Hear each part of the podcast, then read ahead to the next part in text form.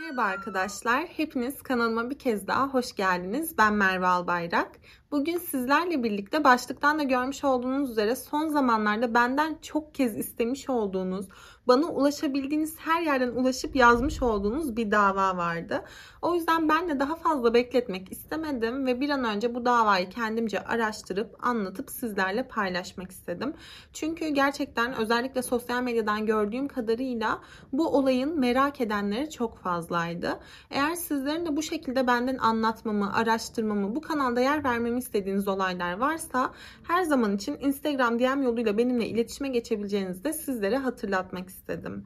O zaman başlıktan da görmüş olduğunuz üzere Marina Sabatier hakkında konuşmaya başlayabiliriz. Marina 27 Şubat 2001 tarihinde Fransa'da Eric Sabatier ve Virginia Doris çiftinin tek çocuğu olarak dünyaya geldi. Fakat şöyle bir şey vardı ki Marina ne yazık ki ailesi tarafından istenmeyen bir bebekti. Hatta anne ve babası onu bir kaza olarak görüyorlardı. Bu yüzden de özellikle annesi Marina'ya hamile kaldıktan sonra sık sık partneriyle tartışmaya başladı ve hamileliği esnasında partnerinden ayrıldı. Ve tabii ki bu ayrılığın sebebini karnındaki bebek olarak görüyordu ve daha Marina dünyaya gelmeden önce ona bir düşmanlık ve kin beslemeye başlamıştı. Hatta Marina'nın dünyaya gelişi de bu ayrılık dönemine denk geldiği için annesi onu doğrudan hastane bakımına bıraktı ve çevresindeki insanlara da onun kendisi için öldüğünü söyleyerek yoluna bakmaya karar verdi. Yani kendi bebeğinden tamamen vazgeçmişti.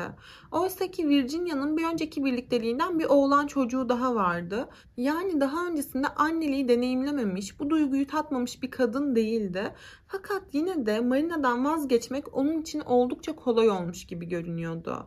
Ama daha sonrasında yani Marina hastane bakımına bırakıldıktan yaklaşık bir ay kadar sonra Virginia ve Eric bir kez daha barıştılar ve barışmalarından sonra gidip Marina'yı geri aldılar. Yani artık ailecek mutlu bir şekilde yaşayabilirlerdi. Zaten öyle de oldu. Çünkü bu birliktelik esnasında Marina'dan sonra Virginia Eric'ten 4 çocuk daha dünyaya getirdi. Yani baktığınız zaman evet her şey yolunda gidiyormuş gibi görünüyordu. Çevresindeki insanlar tarafından onların gerçekten çok mutlu bir birlikteliği vardı ve çocukları da oldukça güvenli, oldukça mutlu bir şekilde büyümeye devam ediyordu. Fakat 9 Eylül 2009 tarihine geldiğimizde gerçekten çok korkunç bir olay yaşandı. Marina'nın babası Eric jandarmayı aramıştı ve kızının kayıp olduğunu bildirmişti. Bunun üzerine tabii ki yetkililer hemen ailenin evine geldiler. Onları ve çevresindeki insanları sorgulamaya başladılar ve her yerde didik didik Marina'yı aramaya başladılar. Ama küçük kızdan hiçbir iz yoktu. Ve onun hayatında her şey o kadar yolunda gidiyormuş gibi görünüyordu ki yetkililer onu nerede aramaları gerektiğini, nerede bulabileceklerini dahi bilemiyorlardı. Fakat tam da bu dönemde küçük kızın yolunda giden hayatı hakkında bazı korkunç detaylar ortaya çıkmaya başladı. Anne ve babası oldukça şüpheli görünüyorlardı. Çünkü polislere ve yetkililere vermiş oldukları ifadeler sürekli birbirleriyle çelişiyordu. Evet aslında bir ağız birliği söz konusuydu. Benzer şeyleri anlatmaya çalışıyorlardı. Fakat çapraz sorguya alındıkları esnada ifadeleri birbirleriyle çelişmeye başladı. Hatta dolaylı olarak birbirlerini suçlamaya başladılar. Ve bu da tabii ki yetkililerin dikkatini son derece çekmişti. Hatta Marina'nın babası Eric küçük kızı hakkında polislere onun Down sendromlu olduğunu söyledi. Fakat böyle bir şey yoktu. Çünkü küçük kız dünyaya geldiği andan itibaren yıllardır kafasına o kadar çok darbe almıştı ki kafa yapısı ve yüzünde ciddi deformlar söz konusuydu. Hatta kafatasında bazı bölümlerde ciddi şekil bozuklukları dahi vardı. Ve belli ki Eric bütün bunları örtbas edebilmek için yani kızının yüzündeki ve kafatasındaki bu değişimleri örtbas edebilmek, bunlara bir bahane sunabilmek için onun hakkında yetkililere Down sendromlu olduğunu söylemişti. Baktığınız zaman ailenin bir şeyler sakladığı barizdi. Fakat neyi, hangi sebeple sakladıklarını kimse bilemez bir haldeydi. Marina Sabatier'e ne olmuştu, neler yaşamıştı ve şu an neredeydi? Bütün bunlar kocaman bir gizemmiş gibi görünüyordu. Ama Marina'nın birazcık bu evde geçirdiği süre zarfına değinecek olursak onun gerçekten de hiç kolay şeyler yaşamadığını söyleyebiliriz. Biliyorsunuz ki Marina doğum sonrasında annesi tarafından hastane bakımına bırakılmış ve yaklaşık bir ay sonra geri alınmıştı. Ve kabus onun için tam da bu noktadan sonra başlamış bir haldeydi. Çünkü Marina bu evin içerisinde başka kardeşleri de olmasına rağmen şiddet gören tek çocuktu. Ve bence işin en garip kısmı da bu. Çünkü evin tek çocuğu değildi. Ondan küçük kardeşleri de vardı, büyük kardeşi de vardı. Ama anne babası bir sebepten ötürü onu sadece bir stres topu olarak görmeye başlamışlardı. Aslında bunun hiçbir sebebinin olmadığını görebiliyoruz. Çünkü evin içerisindeki diğer çocuklar hiçbir ötelenmeye, hiçbir dışlanmaya maruz kalmazken, temel ihtiyaçları karşılanırken Marina bu evin içerisinde gerçekten çok kötü bir muamele görmekteydi. Anne babası tarafından en ufak bir hareketinde tekmeler ve yumruklarla müdahaleye uğruyordu ve sadece tekme yumruklarla da değil, demir çubuklarla, kaşıklarla, sopalarla küçük kıza kaba kuvvet uygulamaya devam ediyorlardı. Hatta ona soğuk duş aldırıyorlardı. Eğer fazla ağlarsa kafasını küvete su doldurup suyun altına sokuyorlardı ve o tamamen hareketsiz kalana kadar, baygınlık geçirene kadar küçük kızın kafasını suyun altında tutmaya devam ediyorlardı. Onu zaman zaman evdeki buzdolabının ve fırının içerisine koymuşlukları bile vardı. Yani gerçekten korkunç. Hatta annesi ona zaman zaman tuz yediriyordu, sirke içiriyordu, limon yediriyordu ve haliyle küçük bir çocuğun midesi tüm bunları kaldıramadığı için Marina kustuğu zamanlarda yine aynı şekilde kendi kusmuğunu yemek zorunda bırakılıyordu. Yani bu evde gerçekten çok kötü bir muameleye maruz kaldığını söyleyebiliriz. Kafasını duvarlara vuruyorlardı, küvetin kenarına vuruyorlardı. Bu yüzden kafatasında ciddi göçükler oluşmaya başlamıştı. Zaten evin içerisindeyken çoğu zaman ya ağzına bir şeyler tıkılıyordu ya da ağzı bantlanıyordu ve yine koli bantları ile yatağına bantlanarak günlerce açlığa mahkum ediliyordu. Ve kendi öz anne babasının tüm bunları ona reva görmesi için gerçekten hiçbir şey yapmıyordu. Çünkü çiftin yakınlarının ve akrabalarının söylediklerine göre Marina gerçekten anne babasını çok seviyordu ve her zaman için güler yüzlü bir çocuktu. Gözlerinin içi bile gülen bir çocuktu ve bu yüzden de kimse ama kimse yani tabii ki hiçbir çocuk bunları hak etmez ama kimse Marina'nın evin içerisinde anne babasını çileden çıkartabilecek bir hareket yaptığını düşünmüyordu. Şimdi diyeceksiniz ki bu küçük çocuk madem bu evin içerisinde bu kadar kötü muameleye maruz kaldı, bu durumu kimse fark etmedi mi? Kimse bu duruma müdahale etmeye çalışmadı mı? İşte buradan sonrasında sinirleriniz birazcık bozulacak. Çünkü bu duruma defalarca kez müdahale edilmeye çalışıldı. Fakat Virginia ve Eric çifti bir şekilde tüm bunlardan sıyrılmayı başardılar. İlk olarak 2006 senesinde Virginia'nın kız kardeşi yani Marina'nın teyzesi bu küçük çocuğun bu evin içerisinde bazı kötü muamelelere maruz kaldığını fark etmişti. Hatta bu duruma müdahale etmek istedi fakat ne yapacağını bilemediği için bu durumu ilk olarak gidip annesine bildirmek istedi. Ve Marina'nın teyzesiyle anneannesi yani Virginia'nın en yakınındaki insanlar bu durumu sosyal hizmetler kurumuna ihbar ettiler ve Marina'nın bu evin içerisinde gerçekten de tehlikede olabileceğini iddia ettiler. İhbar çiftin en yakınındaki insanlardan gelmişti. Fakat yetkililer yine de bu durumu ciddiye almadılar ve bir kayıt oluşturmadılar. Ve böylelikle Eric ve Virginia çifti kızlarına uygunsuz davranışlarda bulunmaya bir süre daha gönül rahatlığıyla devam edebildiler. Fakat baktığınız zaman Marina gitgide büyümeye başlamıştı ve 2007 senesine geldiğimizde artık 6 yaşında küçük bir çocuktu ve okula başlaması gerekiyordu. Haliyle okula başladığı bu dönemde Marina'daki değişiklikler öğretmenleri ve diğer yetkililer tarafından fark edilmeye başlandı. Özellikle öğretmenleri onun gerçekten de sosyal hayata uyum sağlayamadığını görebiliyorlardı. Arkadaşlarıyla kolay bir şekilde iletişim kuramıyordu. Bir takım öğrenme bozuklukları yaşıyordu ve gelişimsel olarak da birazcık geride kaldığı belliydi. Yani dışarıdan gören bir göz bile onun ailesi tarafından ihmal edildiğini ilk bakışta fark edebilirdi. Ama sadece bununla da sınırlı değildi. Marina bazen gerçekten okula çok ciddi yaralanmalarla gelebiliyordu. Genelde yüzünde gözle görülür bir yara olmuyordu. Ama kollarında, bacaklarında ve gövdesinde morluklar, şişlikler ve çizikler vardı. Ve öğretmenleri bu durumda bir gariplik olduğunu fark ettiler. Yani çocuğun evin içerisinde ihmal edildiğini, hatta istismar edildiğini düşünüyorlardı ve bu durumu gidip okul müdürüne bildirdiler. Okul müdürü Marina'yı okulun doktoruna gösterdi. Yani çocuğun vücudunda bir darp izi teşhis edilebilecek miydi veya neye maruz kaldığını anlayabilecekler miydi?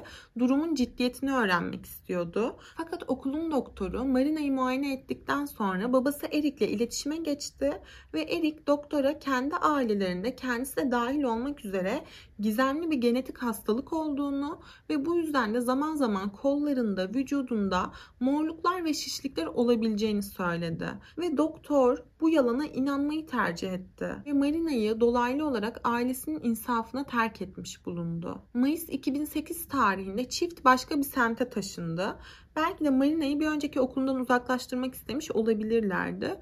Çünkü o okuldaki yetkililer ve o okulun müdürü artık küçük kızda bir değişim olduğunu yani yanlış giden bir şeyler olduğunu tamamen kafalarına koymuş bir haldeydiler. Ve çift büyük ihtimalle bu baskıdan ve bu sorumluluktan kaçmak için bulundukları semti değiştirip Marina'yı başka bir okula göndermeye başladılar. Ama küçük kız bu yeni semtte yeni okuluna başladığında bu okulun müdürü bir önceki okuldan Marina'nın başına gelenler hakkında ve o okulun müdürünün şüpheleri hakkında gerekli bilgileri almıştı.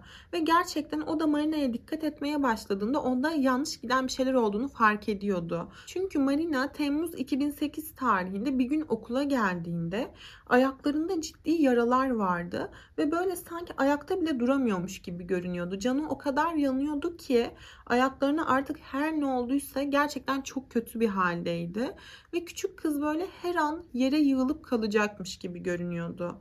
Bu durum öğretmenin tarafından hemen müdüre bildirildi. Müdür onun hemen hastaneye kaldırılmasını sağladı ve Marina kaldırıldığı bu hastanede tamı tamına 5 hafta boyunca tedavi görmek zorunda kaldı.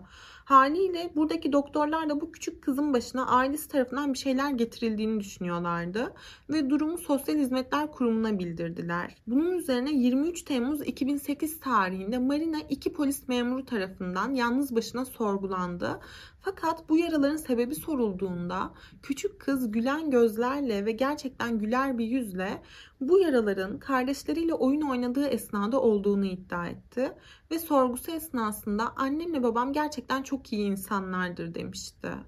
Çünkü annesi onu ve kardeşlerini gerçekten çok sıkı bir şekilde tembihlemişti. Hatta tehdit etmişti.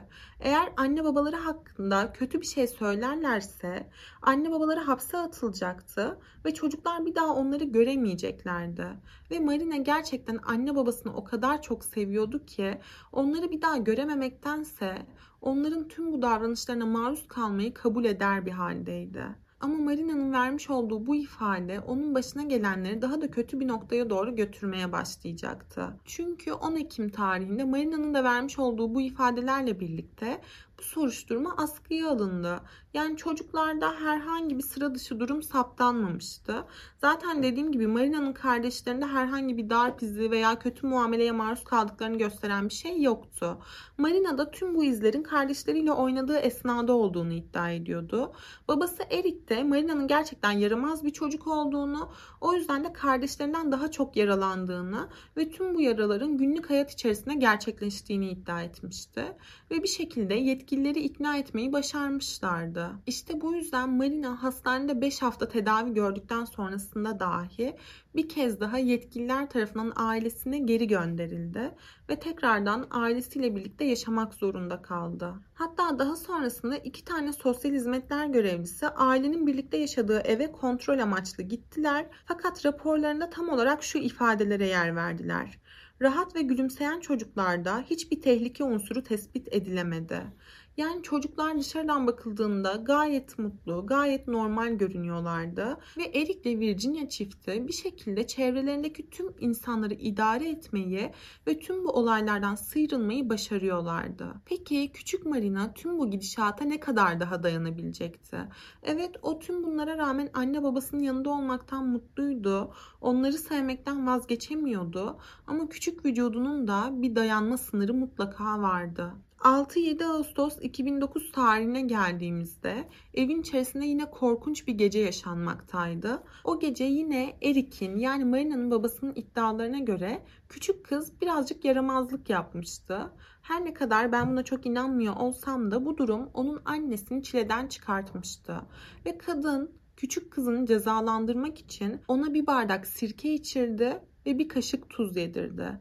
Bunun üzerine tabii ki Marina kusmaya başlamıştı ve bunun üzerine annesi onu döverek, darp ederek evin bodrum katına indirdi ve karanlık bir odaya hapsetti. Bu odanın içerisinde de onu uygunsuz davranışlarda bulunmaya devam etmişti.